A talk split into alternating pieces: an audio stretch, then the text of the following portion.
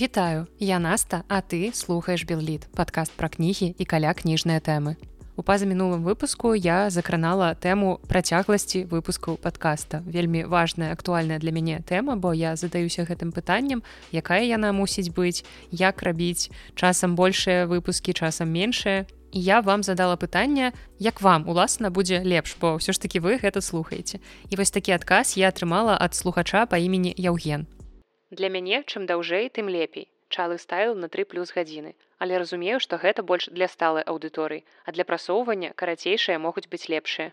Ну ведаеце, я таксама вельмі люблю слухаць доўгія падкасты, але тры плюс гадзіны раз на тыдзень я выпускаць не змагу. Ці можа быць змагу, калі падкаст стане маёй адзінай працай будзе прыносіць адпаведны прыбытак і тады я вам хоць штодзённа магу рабіць новы выпуск ну ці пакуль не застануся без голасу так што пакуль усё застаецца стандартна. Ну, выпускі на тры гадзіны вы можете атрымліваць под новы год калі мы збіраемся разам з настай і сярожам і абмяркоўваем што цудоўнага што не вельмі цудоўнага мы прачыталі за гэты год. Звычайна у нас там выпускі прыкладна такой працягласці. Таксама на гэтае пытанне адгукнулася кася Мне дастаткова аднаго выпуска на тыдзень. Што тычыцца даўжыні, то выпускі па 20-30-40 хвілін слухаю за адзін падыход. Даўжэйшае даводзіцца слухаць часткамі, але мяне гэта не напружвае. Дарэчы, гэта моя схема. Я звычайна слухаю падкасты, калі кудысьці іду, ці калі раблю нейкія хатнія справы, калі я штосьці гатую, калі прыбіраюся. Ну і так зараз дакладна магу паслухаць выпуск, які працягваецца менш за гадзіну. Але я таксама нічога не маю супраць таго, каб адзін выпуск слухаць у некалькі падыходаў. Але тут галоўнае гэта рабіць з невялікім перапынкам, а то забудзеш, што там увогуле было ў пачатку гэтага падкаста. І вельмі творча да адказу на пытанне пра працягласць выпускаў падышоў Віталь. Што тычыцца працягласці перыядычнасці выхаду новых выпускаў, асабіста я ўжо шчыльна падсеў на падкаст і мне неабходны частыя і працяглыя свежыя дозы закрэслена выпускі. Як некалі казаў паважаны Владзімир Сямёнович, кожны чалавек носіць сваё неба з сабой, а кожны аўтар і вытворца падкастаў вольна рабіць тое, што і як ён захоча. А ўдзячныя слухачы заўсёды знойдуцца. Мабыць, неяк так. І ведаеце, чытаючы вашы каментарыі, я разумею, што ў прынцыпе і зараз усё раблю правільна, так што так і працягну рабіць далей. ёсць натхненне, тады я штотыдзень раблю гадзінныя выпускі. Няма натхнення ці часу, тады я раблю больш кароткія выпускі ці ўвогуле не выпускаю ніякія. Нічога ў гэтым страшнага няма, бо для мяне ва ўсім галоўнае гэта рабіць штосьці без прымусу і дзеля ўласныя асалоды. На кастбоксе Ілюк звярнуўся з такой прапановай. Добрага дня цікава было б паслухаць пра беларускія творчыя арганізацыі і аб'яднанні СПБ, СБП, пэнцэнтр. Ведаеце, я б з радасцю зрабіла гэта раней, калі б былі іншыя больш спрыяльныя часы. Але цяпер, калі ў Беларусі прыпыненая дзейнасць двух арганізацый з трох агучаных іллюком, то я як бы асабліва не ўяўляю як пра гэта расказваць. Бо у мяне напрыклад зараз няма маральных сіл тлумачыць людзям усе нюансы. Таму гэта такая хутчэй мне нататка на будучыню. Калі будуць все ж такі больш добрыя спрыяльныя часы я абавязкова раскажу пра ўсе гэтыя творчыя літаратурныя арганізацыі Дарэчы, у апошнім выпуску літнавін я рассказывала, як звычайна пра навінкі беларускага кнігавыдання. І тады я звярнула ўвагу на навінку ад выдавецтва мастацкая літаратура, якое перавыдала кнігу Тарас на парнасе з новымі ілюстрацыямі зразумела. І тады я сказала, што, на жаль, нідзе на сайце не змагла знайсці аўтарства ілюстрацыі, нідзе яно не пазначанае, але я ўжо ведаю, што ў мяне самыя разумныя і самыя дасведчаныя слухачы. Таму тут будзе дапаўненне ад касі. Ілюстрацыю ў тарасе на парнасе зрабіла Мая Пракапович, і яна ж была мастацкай рэдактаркай кнігі. Крыху пра гэта яна расказвала ў сваім інстаграме. І ведаю, што некалькі ілюстрацый з кнігі удзельнічаюць у сёлетнім восеньскім салоне. Вялікі дзякуй касе за удакладненне. Я абавязкова пакінуў апісанне да выпуску нстаграм мастачкі, каб вы маглі таксама паглядзець на гэтай ілюстрацыі. Ну ці магчыма, вы ўжо бачылі ўласна саму кнігу. На сёння з пытаннямі ўсё мы пераходзім да выпуска сёння я трошкі чыцер і ў рамках цыкла сёлета я раскажу вам пра тры кнігі, але толькі адна з іх сёлета насамрэч святкую юбілей. Але ж гэтыя кнігі складаюць такую умоўную трылогію, таму расказваць пра іх асобна я не хачу. І такім чынам у чарговым выпуску з цыкла сёлета, у якім я расказваю пра беларускія кнігі юбіляры, мы пагаворым пра тры гістарычныя раманы Леаніда Дайнекі, гэта меч князя вячкі, след ваўкалака і жалезныя жалуды. І адразу тут я зраблю дысклеймер каб калі што нічога не было мне што я не гісторык. Мастацкай літаратуры па гісторыі я чытала больш чым нон-фікшану нейкага гістарычнага ну не ўлічваючы школьнай падручнікі. Таму тут у гэтым выпуску вы не пачуеце нейкай глыбокія аналітыкі тых ці іншых падзей з нашай гісторыі. Тут будуць выключна агульнапрынятыя гістарычныя факты і цытаты з твораў Хаця сам тайнека, калі пісаў свае гістарычныя творы, ён звяртаўся да велізарнай колькасці крыніц і таксама ён сцвярджаў наступнае. Той, хто хоча працаваць на ніве беларускай гістарычнай білетрыстыкі, павінен ведаць польскую мову, арыентавацца ў літоўскай, нямецкай і латыні. Ну гэта ён канешне высока ўзняў планку, але мне падаецца ўсё правільна. І менавіта тры гэтыя пералічаныя мной раней кнігі пасля публікацыі прынеслі Леоніду дайнеку сапраўдны поспех. Напрыклад, за раман меч князявячкі пісьменнік у 1987 годзе атрымаў літаратурную прэмію імя мележа. А пазней у 1990 годзе гэты твор і таксама раман след ваўкалака былі адзначаны дзяржаўнай прэміяй Беларусі. Але чаму раней, калі я казала пра трылогію, я дадала туды прыметнік умоўная. Рэч у тым, што непасрэдна паміж сабой гэтыя кнігі не звязаныя. персонажы там не пераходзяць кнігі ў кнігу, таму што падзеі ўвогуле адбываюцца ў розныя гістарычныя эпохі. Але тры гэтыя кнігі аб'яднаныя тым, што дзякуючы ім перад намі паўстаюць асобыя падзеі нашага мінулага. І ўвогуле Леонид Дайнека першы ў беларускай прозе пра мінулае стварыў такі гістарычны раманны цыкл. Таму магчыма, больш правільна называць тры гэтыя творы не трылогіяй, а цыклам гістарычных раманаў. І ўсе гэтыя тры творы расказваюць нам пра розныя часы і калі расставіць іх паводле храналогіі апісаных падзей, а не паводле года выхаду ўласна кнігі, то атрымаюцца ў нас наступныя. Першым паводле храналогіі будзе раман падзей якога адбываецца ў часы полацкага княства. Гэта 11-13 стагоддзе. І гэта раман след ваўкалака там перад намі паўстае 1068 год часы росквіту полацкага княства. І галоўная дзеючая асоба як вы маглі здагадацца па слове ваўкалак гэта славуты ўсяслаў чарадзей. Рухаемся по храналогіі далей. Усё яшчэ полацкае княства але ўжо больш позні перыяд яго развіцця. Гэта 1200 гады. Барацьба полацкага княства з крыжакамі. Раман меч князя вячкі вячкі і галоўны герой таксама як няцяжка здагадацца па назве гэта князь вячка які княжу ў кукінойскім княстве са сталіцай у горадзе кукінойс. Гэта ўдзельнае княства полацкай зямлі. Ну і апошні паводле храналогіі твор гэта жалезныя жалуды падзеі у якім разгортваюцца на раннім этапе станаўлення вялікага княства літоўскага якое было ўтворана ў сярэдзіне 13 стагоддзя.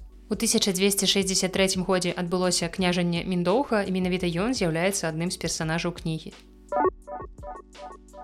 А цяпер пагаворым пра кожны з раманаў больш падрабязна толькі ўжо паводле храналогіі іх выхаду ў друку. І першы ў нас быў раман меч князя вячкі, які выйшаў 1987 годзе. Галоўны герой, як я ўжо казала, гэта князь вячка, які княжыў у кукінойскім княстве. І ён, як і большасць герояў гэтага твора, рэальная гістарычная асоба. Нагадаю, што гэта 1200 гады у полацкім княстве ідзе барацьба з крыжакамі звесткі пра гэты гістарычны перыяд мы атрымалі з такога літаратурнага помніка які называецца хронікі лівоніі і напісаў яго генрых латвійскі ў 1224-27 годах ён быў нямецкім храністам і ён таксама трапіў у лік герояў гэтай кнігі. Паводле паходжання генрых латвійскі быў ладгалам але яшчэ ў маленстве яго вывезлі на чужыну і там выхавалі як адданага каталіка Таму зразумела, што ў сваёй хроніцы ён захоўвае для гісторыі найперш тыя звесткі, якія прыніжалі сапернікаў крыжакоў, а саміх крыжакоў наадварот паказвалі ў добрым святле. Але нават з такой прадузятасцю ён не мог не выказваць захапленне сілай духу князя вячкі. Ну а князь вячка або Вячаслаў Барысавіч, калі афіцыйна, ён княжа ў кукіносе ў той гістарычны перыяд, калі крыжакі заснавалі ў вусці заходняй дзвіны горад Рыга і імкнуліся распаўсюдзіць свой уплыў на блізкія тэрыторыі, у тым ліку і полацкія.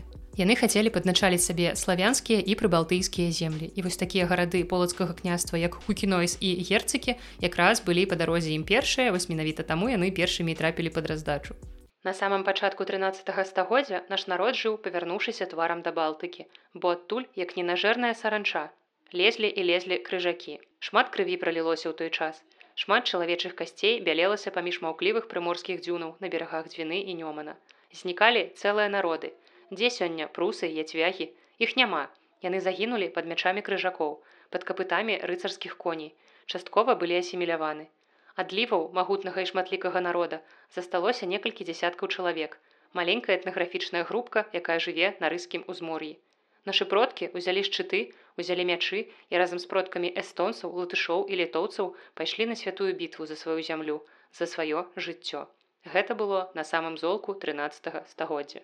Але першыя раздзелы рамана паказваюць нам яшчэ больш ранні перыяд, бо тут паралельна вядзецца гаворка то пра дзяцінства юнацтва будучага князя кукінойса, то апісваецца трагічны лёс іншых персанажаў, якія пазней стануць паплечнікамі князя вячкі напрыклад як у палачанін але пакуль што іх гісторыі выкладваюцца паралельна апісваецца вельмі розны лёс умовы іхняга жыцця.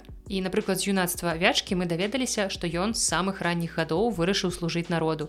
І ён стрымлівае сваё слово як мы ўбачым. У 16 гадоў ён сцвярджае што да апошняга ўздыху будзе бараніць айчыну ад чужынцаў. Так і атрымалася бо ён загінуў на поле бою але яго меч узяў як у палачанін ягоны паплечнік паказаўшы такім чынам што барацьба працягваецца І ўвогуле меч для гэтай кнігі стаў такім сімвалам нязломнай волі. Пра меч у творы можна выпісаць проста процьму цытат.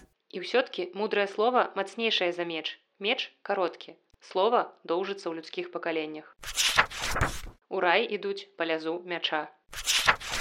Гордыя галовы згінае толькі меч. Вячка бачыў, што ў гэтым канфлікце, які ўзнік, іншыя князі пачынаюць высвятляць адносіны паміж сабой. Яны пачынаюць варахаваць, што зразумела, не ідзе на карысць ім, таксама іх землям, а наадварот гэта становіцца спрыяльнай умовай для нападу крыжакоў. І так нашаму самаахвернаму князю вячку, які кіруецца толькі інтарэсамі дзяржавы і свайго народа, супрацьпастаўляецца полацкі князь Уладзімир, які турбуецца выключна пра сваю ўладу і зусім не пра тое, як спыніць крыжацкую навалу. Для вячкі, наадварот, яго прызначэння як князя было ў тым, каб бараніць родныя землі ад нападу ворагаў. Ну а князь Уладзімир больш дбаў пра свой пасад, чым пра барацьбу з ворагамі княства. Ён у князе вячку бачыў найперш палітычнага суперніка, але не саюзніка ў барацьбе супраць крыжакоў. Таму ён адмаўляецца ісці на бітву разам. Усё ускладняецца, калі ворагі захопліваюць у палон Софію дачку вячкі, каб такім спосабам ціснуць на яго. Мне падаецца гэта звычайна даволі дзейсны спосаб уплываць на бацькоў пры дапамозе іх дзяцей ці наадварот.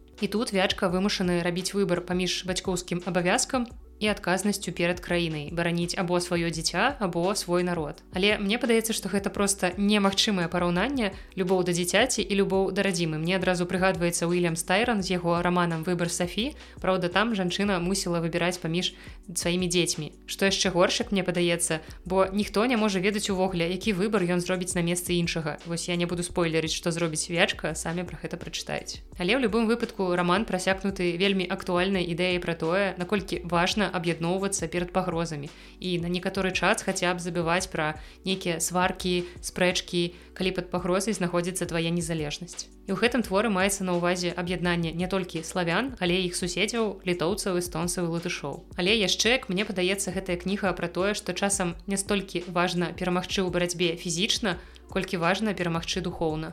І цікава што да дайнекі пра гэтае змаганне з крыжакамі ніхто з беларускіх празайкаў толкам і не пісаў І вы можете спытаць, наколькі ўвогуле гэты твор можна лічыць праўдзівым з гістарычнага пункту гледжання. І я скажу, што зразумела успрымаць меч князя вячкі, як і усе астатнія творы, пра якія мы сёння паговорым, варта выключна як мастацкі твор. Але што датычыць сутнасці гістарычных падзей, то мне падаецца, што тут усё выкладзена праўдзіва, але зноў жа паўтаруся я не гісторык. Але на мой погляд у факталагічнай частцы няма нічога асабліва выдуманага, ёсць пэўная доля мастацкай выдумкі, якая проста патрэбная для напісання мастацкага твора гора, але тут з гістарычнымі фактамі ўсё ў парадку. Жыві тым, што ёсць. Прыспешваючы заўтрашні дзень, мы набліжаем да сябе змрок магілы. Наступны твор, пра які мы пагаворым, называецца след ваўкалака. І не ведаю, як вам, а мне толькі адна гістарычная асоба прыходзіць у галаву, калі я чую слова ваўкалак. Але абазнаныя ў чытачы сучаснай беларускай літаратуры могуць вядома ж згадаць таксама твор князь ваўкалак маладога аўтара Масіма кутузава, але ў творы дайнекі ўсё ж такі гаворка вядзецца пра рэальную гістарычную асобу. Ну і аўтар кнігі князь ваўкалак просто яшчэ не нарадзіўся, калі дайнека напісаў гэты твор след ваўкалака. У 11 стагоддзі княжу у полацку такі князь як усяслаў чарадзеі, сын брачыслава і ўнук рахнеды і лічылася што ўсяслаў чарадзей валодаў чарадзейнай сілай што як бы лагічна не проста ж так яму прыдумалі гэтую мянушку. Нібыта ён мог ператварацца ў ваўка. І ў аснове сюжэту гэтага рамана ляжаць падзеі 1067 года. Мяркую большасць з вас адразу можа назваць гістарычную падзею якая адбылася ў гэты год. Мне падаецца што з першага класа школы нам яе бясконца паўтаралі. І цытуючы слова пра паход ігара ў перакладзе рыгора барадуліна на нямізе галовы сцелец на памі Харалужнымі малоцяць цапамі. Жыццё кладуць на таку злюцела, веюць душу ад цела. Нямігі крывавыя берагі, не збожжам былі засеяны зноў, засеяны косцьмі рускіх сыноў. Дарэчы, згадала, што моя ці то першая, ці то другая курсавая ўжо не памятаю, была прысвечана акурат беларускім перакладам слова пра паход іхара. Дакладней я разбірала, як з перакладам так званых цьмяных месцаў гэтага твора справіўся такі перакладчык, як Віктор Дарашкевич. Але як бачыце, цытую вам твор у перакладзе рэгора барадуліна, бо для мяне ён найбольш моцны і паэтычны. Але вернемся да Леаніда Дайнекі. Я мяркую, што ўжо самыя нездагадлівыя здагадаліся, што ў творы следваў калака, гаворка вядзецца ў тым ліку пра бітву на рацэня мізе. І менавіта ў сувязі з гэтай гістарычнай падзеі ў іншым літаратурным помніку пад назвай аповесць мінулых гадоў упершыню згадваецца мінск. І такім чынам сёлета мы святкавалі 956 годдзя першай згадкі пра мінск. Ну таксама 1067 або як мы больш прывыклі казаць 1067 гэта добрая бургерная ў мінску. Ну і дарэчы адразу ўсё все самыя цікавыя факты вам выкладваю. Калі вы бываеце ў мінску на станцыі метро няміга, то зірніце ўверх. Там ёсць такія цёмныя драўляныя панелі і калі прыгледзецца, то збоку на адной з панеляў можна ўбачыць той самы урывак са слова пра паход ігара, які я працытавала раней. І аказалася, што нават не ўсе мінчукі пра гэта ведаюць. Але вернемся да нашых гістарычных падзей. У 1065 годзе пачалася бітва паміж кіевам і полацкам. Тры браты Ярослававічы, нашчадкі Ярослава мудрага, павялі свае войскі на мінску адказ на папярэднія паходы ўся слава чарадзея, на пскоў, Ноўгарад і наваградак. І ў 1067 годзе на рацэння міха адбылася крывавая бітва. Страты абодвух бакоў былі вялікія, пасля чаго Ярослававічы ісці на полацк не наважыліся. А праз некалькі месяцаў пасля бітвы запрасілі ўсяслава на перамовы. Але браты ашукалі ўсяслава і калі ён выехаў да іх на перамовы, яго разам з сынамі расціславам і барысам схапілі і адвезлі ў Кіў, дзе там кінулі ў поруб поруб гэта такая старажытная турма ў выглядзе драўлянага зруба.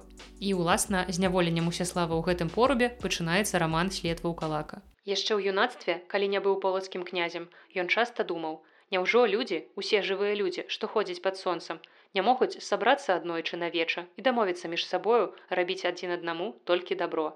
Няма ж такіх людзей, якія хочуць, якія жадаюць, каб ім прычынялі боль. Пажыўшы, паваяваўшы, паглядзеўшы на свет, Усяслаў зразумеў, што толькі дзівакі могуць марыць пра такое, бо чалавецтва, на жаль, не можа адначасова задумацца. Нехта думае, нехта пакутуе, а нехта смяецца або п'е віно. Нехта плача, а нехта спакойна спіць. Здаецца, усясла ўжо змірыўся, што так і скончыцца ягонае жыццё ў гэтым порубе, але праз нейкі час пасля яго зняволення ў Киеве на гэты горад рушылі полаўцы на чале з ханам шаруканам. Яны разбілі войскі Ярослававічу і браты былі вымушаныя бегчы. Ну а жыхары Киева паглядзелі на такія абсалютна негераічныя паводзіны сваіх уладароў, абурыліся і выпусцілі з турмы ўсяслава з сынамі. І мала таго, што яны яго выпусцілі, яны яшчэ пасадзілі яго княжыць у Киеве і паставілі на чале свайго войска. І недарэмна, бо пад кіраўніцтвам усяслава яны змаглі разбіць полаўцаў. Нават самая мізэрная надзея дае чалавеку сілу. Адбярыце ў чалавека надзею, і ён адразу памрэ. А калі не памрэ, дык ператворыцца ў рахманага дурнога вала, які дрэмля аблеплены пякучымі мухамі, што залазяць яму ў самыя ноздры і перакочвае ў роце зубамі языком сваю бясконцую жвачку. Але адразу ж пасля гэтага ўсяслава адмаўляецца ад пасады ў Киеве, бо ён любіць свой родны полацк і хоча туды вярнуцца. І ўвогуле гэты твор прасякнуты ўзвялічваннем асобы ўсяслава чарадзея. Аўтар нібыта мэтанакіравана падтрымлівае міф пра неардынарнасць яго асобы, быццам падкрэсліваючы, што сапраўды верыць у звышнатуральныя здольнасці князя. Але гэта мне падаецца ні ў якім выпадку нядрэнна, бо ў нацыі мусіць быць свае героі і свае гістарычныя міфы. І дайнека мне падаецца абраў для гэтага не самую горшую гістарычную асобу. І дарэчы, яшчэ ў прадмове да кнігі меч князя вячкі ён сам пісаў наконт гэтага. Меркаванні, легенды, Без легендаў гісторыя губляе сваю прывабнасць, таямнічасць. Гэта як неба без зорак калі параўноўваць гэты роман з папярэднім то для мяне нібыта чым далей у гісторыю тым менш цікава. Вось такое маё суб'ектыўнае меркаванне і мабыць таму мне ўвогуле найбольш блізкім і цікавым падаецца апошні роман жалезныя жалуды падзею якім разварочваюцца ў часы вКл Хаця ён здаецца не так далёка адышоў у храналогіі ад рамана меч князя ячкі але ў любым выпадку калі вы цікавіцеся гісторыяй але вы не хочаце чытаць нейкі навуковы гістарычны нон-фікшн мне падаецца можна пачынаць акурат з раманаў дайнекі Чалавек ідзе туды, куды кладзецца дарога. Мала праходзіць за сваё кароткае жыццё чалавек, які б ён не быў хутка ногі. Ён падобны на муху, што садзіцца на гарачы ад сонца полах шатра, поўзае па ім і пэўна уяўляецца ёй гэты полах бясконцым сусветам. і не разумее дурная муха, што апроч полага ёсць бязмежны стэп, а за стэпам снежнагаловыя страшныя горы, а за імі акіян. Чалавек ідзе і памірае ў дарозе, пакідаючы пасля сябе маўклівы курган, а народ спяшаецца далей. Куды ж ідзе народ? Што гоніць яго да на пятай цецівы небасхілу. Сакавітая густая трава для авечак і коней, глыбокія поўныя сцюдзёнай вады калодзежы, а можа, цені продкаў, Яны падобныя на хмары, такія ж зменлівыя, загадкавыя, у вечным руху, ніколі не ведаеш, гнеў ці ласка вырвецца з таемных глыбінь. Ну і нарэшце пяройдзем да апошняй кнігі нашага гістарычнага цыкла і гэтая кніга называецца жалезная жалуды. Падзеі ў гэтым творы разгортваюцца ў часы зараджэння ВКЛ гэта пачатак сярэдзіна 13 стагоддзя. І тут у нас зноў жа у цэнтры аповеду, як і ў папярэдніх раманах знаходзіцца фігура валадара, рэальнай гістарычнай асобы, князя Мендоўха, які стаяў ля вытокаў ВКЛ. І менавіта ён у гады свайго княжання аб'яднаў беларускія літоўскія землі ў адзіную дзяржаву са сталіцай у наваградку. Але сярод герояў твора мы сустрэнем мноства іншых рэальных гістарычных асобаў, напрыклад, войшалка сына Мендоўга, які таксама прымаў актыўны ўдзел у палітычным жыцці маладой дзяржавы. Але таксама ў прасторы твора мы ўбачым і герояў выдуманых, якія былі не менш неабходныя для таго, каб перадаць атмасферу таго часу. Аўтар шмат піша пра міндоўха, ён падкрэслівае яго вялізную ролю ў станаўленні ВКЛ і ў перамозе над крыжакамі. Але згадваючы станоўчай якасці князя ён пры гэтым не абмінае і адмоўныя, бо біндоўх быў даволі суровым, даволі жорсткім і нават бязлітасным чалавекам. Таму нават яго браты і пляменнікі пацярпелі ад яго рук. І дарэчы, цікава, што ў гэтым творы часам не апісваюцца некаторыя падзеі, але адчуваецца іх уплыў на персанажу, напрыклад, нашэсце залатой арды. Наўпрост шмат нейкіх падзей не перадаецца ў гэтым творы. Таксама далей узнікае пагроза ў выглядзе таўтонскага ордэна і зноў няма ніякіх маштабных апісанняў. Эпізоды змагання з'явіцца ў сюжэце толькі бліжэй да канца твора. Ну і асноўнае, чаму надаецца ўвага ў гэтым творы, гэта міжасобасныя стасункі і канфлікты. Унутраная праблема наваградскага княства і спроба міндоўга вырашыць усе гэтыя праблемы і паяднаць людзей. Зноў жа, як у першым творы ўсё скіроўваецца да гэтага моманту яднання. Ну а часам пры чытанні твора мы ўвогуле крыху губляем арыентацыю ў часе, бо аўтар уводзіць у твор дадатковыя ўстаўныя сюжэты, напрыклад, паданне пра возера, легенды пра русалак, прытчы пра святую пакутніцу ірыну і іншае. Ну і таксама ў гэтым творы мы бачым зварот да праблемы сутыкнення розных рэлігій на тэрыторыі будучага ВКЛ. І дзякуючы гэтаму ў творы з'яўляецца ўстаўкі запісаннем паганскага капішча, выяваў перуна розных язычніцкіх і хрысціянскіх абрадаў і гэтак далей. І магчыма, гэты твор у параўнанні з папярэднімі атрымаўся для мяне больш захапляльным, таму што ўжо і назвай твора і яго пачаткам аўтар уводзіць такі элемент, як гэтыя жалезныя жалуды што гэта адкуль яно якое значэнне гэта мае для сюжэту і чаму героі пастаянна гэта знаходзіць мне не давала гэта спакою карацей просто аказвайся заінтрыгаваны літаральна з першых жа старонак. Ну а такія жалуды адлітыя з жалеза сталі сімвалам такім свяшчэнным знакам заклікам да яднання ў барацьбе супраць залатой арды і таўтонскага ордэна супраць ворагаў, якія імкнуліся распаліць міжусобныя войны. І гэтыя жалуды сталі заклікам агульнымі сіламі ўсталяваць адзіную магутную дзяржаву. Ну і зноў жа, як у папярэдніх творах у гэтым рамане вельмі шмат лірычных уставак, нейкіх пейзажных замалёвак і адчуваецца, што дайнека ён яшчэ і паэт. Ён бачыць прыгожыя вобразы ў прыродзе і можа перадаваць іх вытанчанымі метафорамі.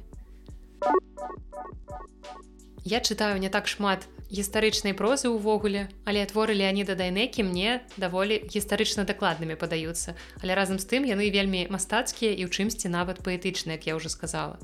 І тры яго раманы, пра якія мы сёння пагаварылі, прасякнутыя паэзіяй у прозе. Тут сустракаецца процьма устойлівых выразаў фразеалагізмаў, народных мудрасцяў і розных трапных параўнанняў. Ну і таксама ў творы вельмі добра прапрацаваны гэты лексічны пласт старажытны мы сустракаем вельмі шмат слоў уласцівых таму ці іншаму гістарычнаму перыяду і для ўсіх незразумелых слоў пададзеныя зноскі. Таму падчас чытання можна яшчэ і папоўніць свой слоўнікавы запас у пэўнай эпосе.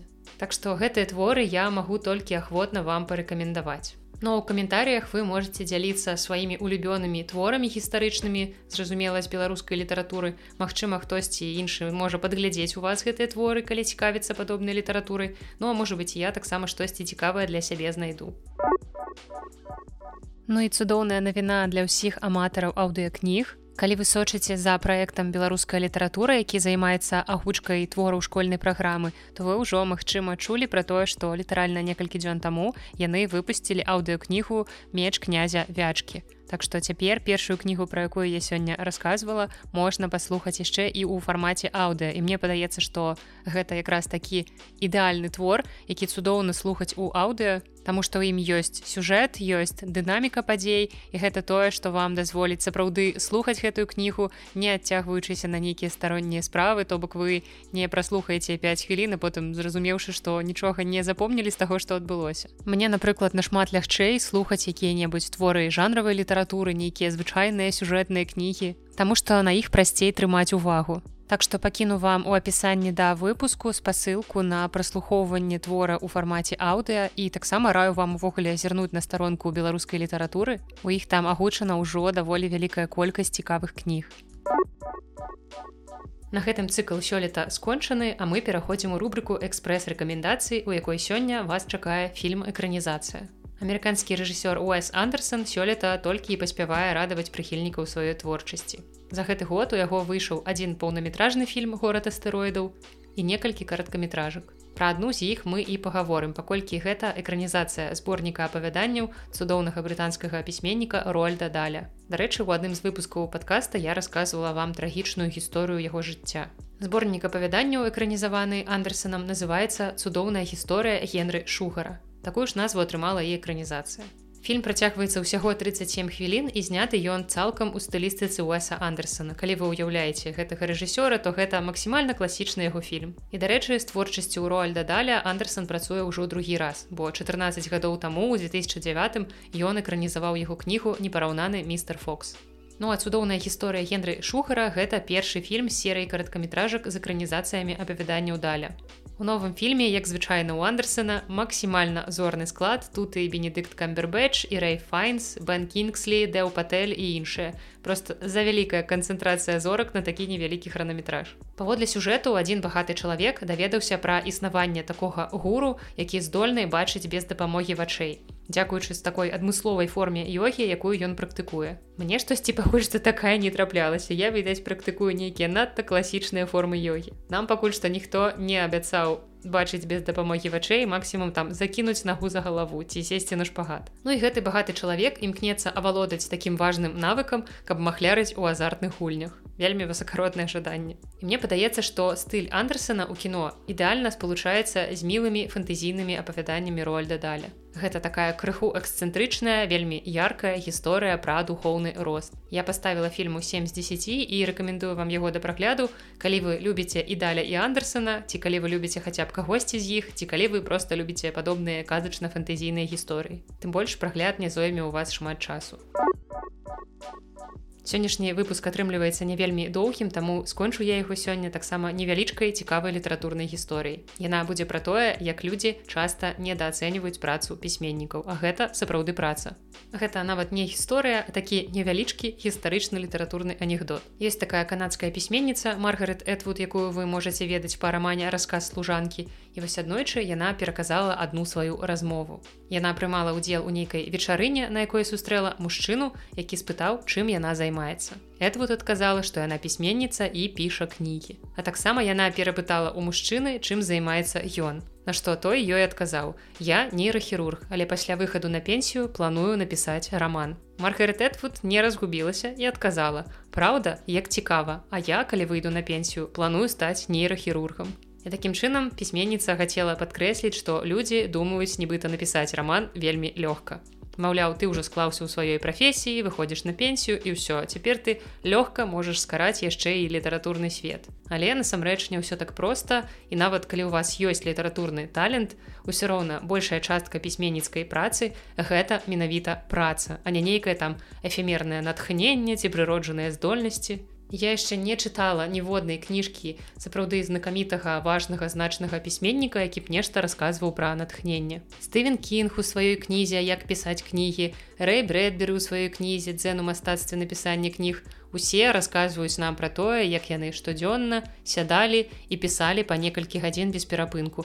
Ніхто не расказвае, як ён сеў за стол і тут нібыта маланка ў самае сэрца дакладней куды у мозг, мабыць, у мозг стукнула і ён пачаў пісаць і не мог спыніцца. Не, так не бывае. Ты пішаш шмат, ты выкідаеш, закрэсліваеш, ты спальваеш свае чарнавікі, свае рукапісы, але ты працуеш і самаўдасканальваешся але натхнення мне падаецца увогуле не існуе такой штукі ёсць просто гадзіны сотні гадзін працы ёсць вялікая працаздольнасць ёсць зразумела там пэўны адсотак творчых здольнасцяў але натхнення мне падаецца гэта нейкая выдуманая штука Так што давайте просто паважаць працу іншых я вот скончу такой філасофскай высновай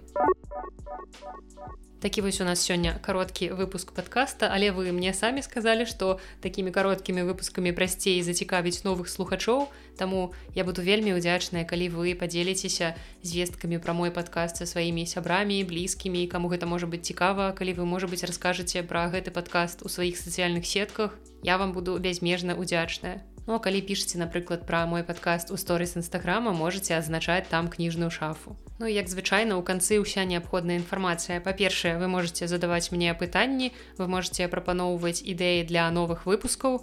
Усё гэта можна зрабіць у каментарыях або на soundundcloud або на кастбоксе або на Ютубе таксама вы можете пісаць мне ў google формы якія будуць па спасылцы ў апісанні да выпуску і таксама на электронную пошту беллітпост сабака gmail.com яна таксама ёсць у апісанні да выпуску. Таксама калі вы слухаеце наш кніжны клуб анягош вы можете рыхтавацца да наступнага выпуску які выйдзе ўжо ў наступным месяцы там мы будзем абмяркоўваць навінку ад зараславы камінска якая называется по той бок можете пачынаць рыхтавацца ўжо цяпер таму што кніжка немалая. У параўнанні з мінулай дзіцячай кнігай якую мы чыталі таксама калі вы хочаце атрымліваць дадатковыя выпускі падкаста белліт вы можете стаць маім патронам на патрыоне На гэта спасылка таксама будзе ў апісанні да выпуску, бо патроны на патрыоне атрымліваюць адзін ці два дадатковыя выпускі ў месяц. Гэта своеасаблівая патрыон спешл выпускі чытацкага дзённіка, дзе я выбіраю пэўную кнігу беларускага выдавецтва на беларускай мове і расказваю пра гэтую кнігу ў рэжыме рэальнага часу. Я чытаю яе і адразу дзялюся ўражаннямі. Там ужо даступныя чатыры такія выпускі. У гэтым месяцы іх выйшла ажно два. Я расказваю пра кнігу Александры Хамянок італьянская падарожжа і таксама пра кнігу Сергея плескача дзіўная місія гэта навінка ад выдавецтва Янушкевич. Таму калі вам цікава далучайцеся вы такім чынам зможаце і падтрымаць мой падкаст і атрымаць для сябе нейкія дадатковыя плюшкі ў выглядзе дадатковых выпускаў подкаста Ну а таксама у апісанні да гэтага выпуску вы знойдзеце іншыя варыянты падтрымкі майго подкаста Ну а на сёння гэта ўсё з вами была наста і падкаст белаліт да сустрэчы А яшчэ гэты выпуск здаецца ўжо другі ці трэці раз я запісала ў туалеце кнігарні. Вось такія рэалій беларускага падкастынгу. У мяне быў варыянт або записывацца тут, або записывацца ў незаведзенай машыне на холадзе, Таму што калі яе завесці, то тады не вельмі добра будзе чуваць. І я выбрала ўсё ж такі туалет, больш прывычнае мне месца.